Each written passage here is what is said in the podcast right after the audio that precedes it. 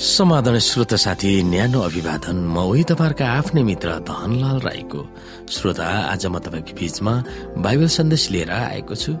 आजको बाइबल सन्देशको शीर्षक रहेको छ हाम्रा सबै चिन्ता फिक्री बोक्न दिने। श्रोत साथी कतिपयको घरमा यो कथन झुन्ड्याइएको पाइन्छ जब हामी प्रार्थना गर्छौँ तब किन चिन्ता गर्ने? यस कथनले हामीलाई हँसाउँदछ।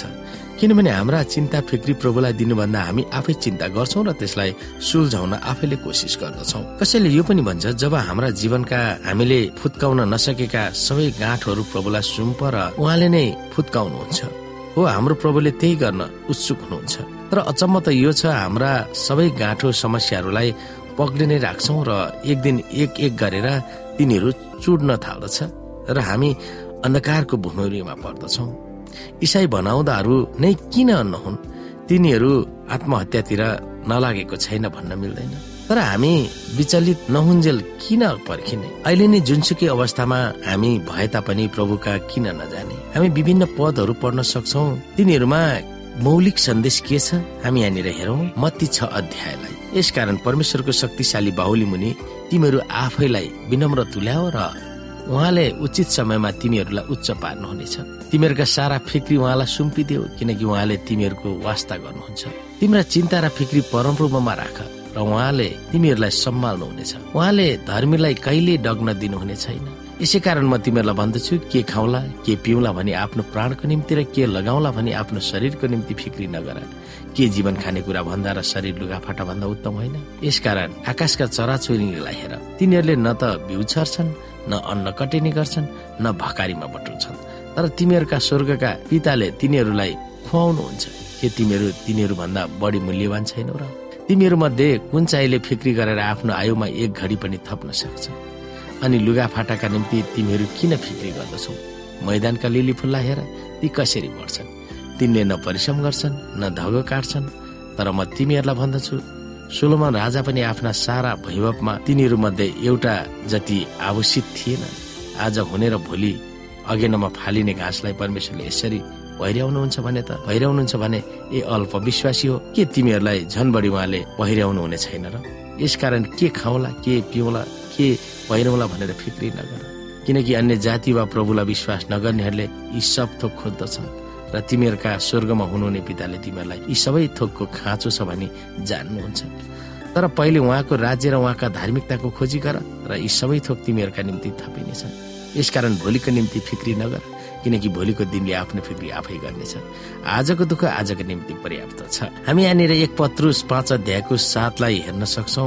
धेरै सरल र बुझ्न सकिने खालको पद हो त्यो।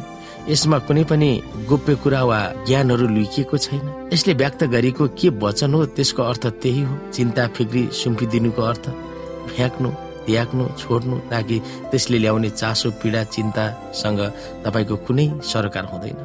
तर हाम्रा बोझ जहाँ पाए त्यही छोड्ने पनि होइन। अनेकौं ध्यान धर्म कर्म दर्शनहरू सोचेर दिमागलाई खेलाएर वा अरूहरूको कब्जामा राख्न दिँदा हाम्रा चिन्ता फिक्री बिलाएर जाँदैन। तिनीहरू स्वर्गमा रहनु भएको सनातन सृष्टिकर्ता परमपितालाई सुम्पिनु पर्छ भनेर यसुले मत्तीमा भन्नुभएको छ।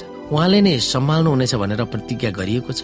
यो गर्न कठिन त छैन तर यो गर्न सजिलो भएको र सत्य चाहिँ भएकोले नै हामीलाई कठिन भएको हो। विभिन्न कारणहरूले मानिस चिन्ता र उदासमा पर्दछन्। कामको चापले पनि हुन सक्छ आफ्ना प्रियजन र विश्वासी जनहरूको अपेक्षा नगरीको आरोप वा आलोचना हामीलाई कसले मन पराउँछ? र वास्ता गर्छ र भन्ने उदासीन मनस्थिति स्वास्थ्य पारिवारिक र आर्थिक आदिहरूले हामीलाई सताउँदछ अझ प्रभुको अगाडि हामी असल सज्जन धर्मात्मा छैन भन्ने कुराले पनि हामीलाई चिन्ता गराउन सक्छ। जति असल हुन खोजे पनि कमजोरको कमजोर नै छु र प्रभुले मलाई क्षमा दिनुभएको छैन भन्ने उदासीन मनस्थितिमा हामी हुन सक्दछौँ। ती चिन्ता फिक्री जे भए तापनि तिनीहरूलाई हामीले नै पक्रिराख्ने बानीले गर्दा त्यसको समाधानको निम्ति न त प्रभु न त अरू कसैको खाँचो छ। मेरो खुट्टामा म आफै उभिएको छु मेरो समस्या मैले नै सुल्झाउँछु भन्ने मनस्थिति हामीमा हुने भएकोले हामी झन अन्धकारमा होमिन पुग्दछौँ। यस्ता किसिमका धारणाहरूलाई फेरि सोच्नु भनेर पत्रुसले हामीलाई सिकाउँदछ प्रभुले हामीलाई हेरचाह गर्नुहुन्छ वास्ता गर्नुहुन्छ र सरोकार राख्नुहुन्छ।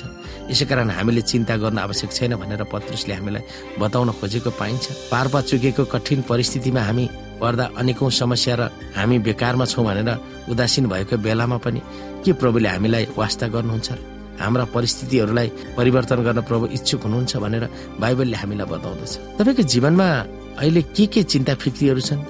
तिनीहरू वैधानिक भए तापनि र दुःख दिने खालको भए तापनि तिनीहरूलाई बोक्न प्रभुलाई गाह्रो छ त तर हामीलाई ठुलो समस्या हुन सक्छ कि प्रभुलाई हाम्रा समस्याहरू सबै थाहा छ र उहाँले सम्हाल्न सक्नुहुन्छ भनेर थाहा पाउँदा पाउँदै पनि हाम्रा समस्याहरू उहाँले समाधान गर्नुहुन्छ भन्ने कुरामा भित्री हृदयदेखि विश्वास गर्दैनौ। यो तपाईँको जीवनमा यो सही भएको पाउनु भएको छ? त्यो विषयमा तपाईँले सोच्न सक्नुहुन्छ। श्रोत साथी आजको लागि बाइबल सन्देश यति नै। हस्त नमस्ते जय मसिंह।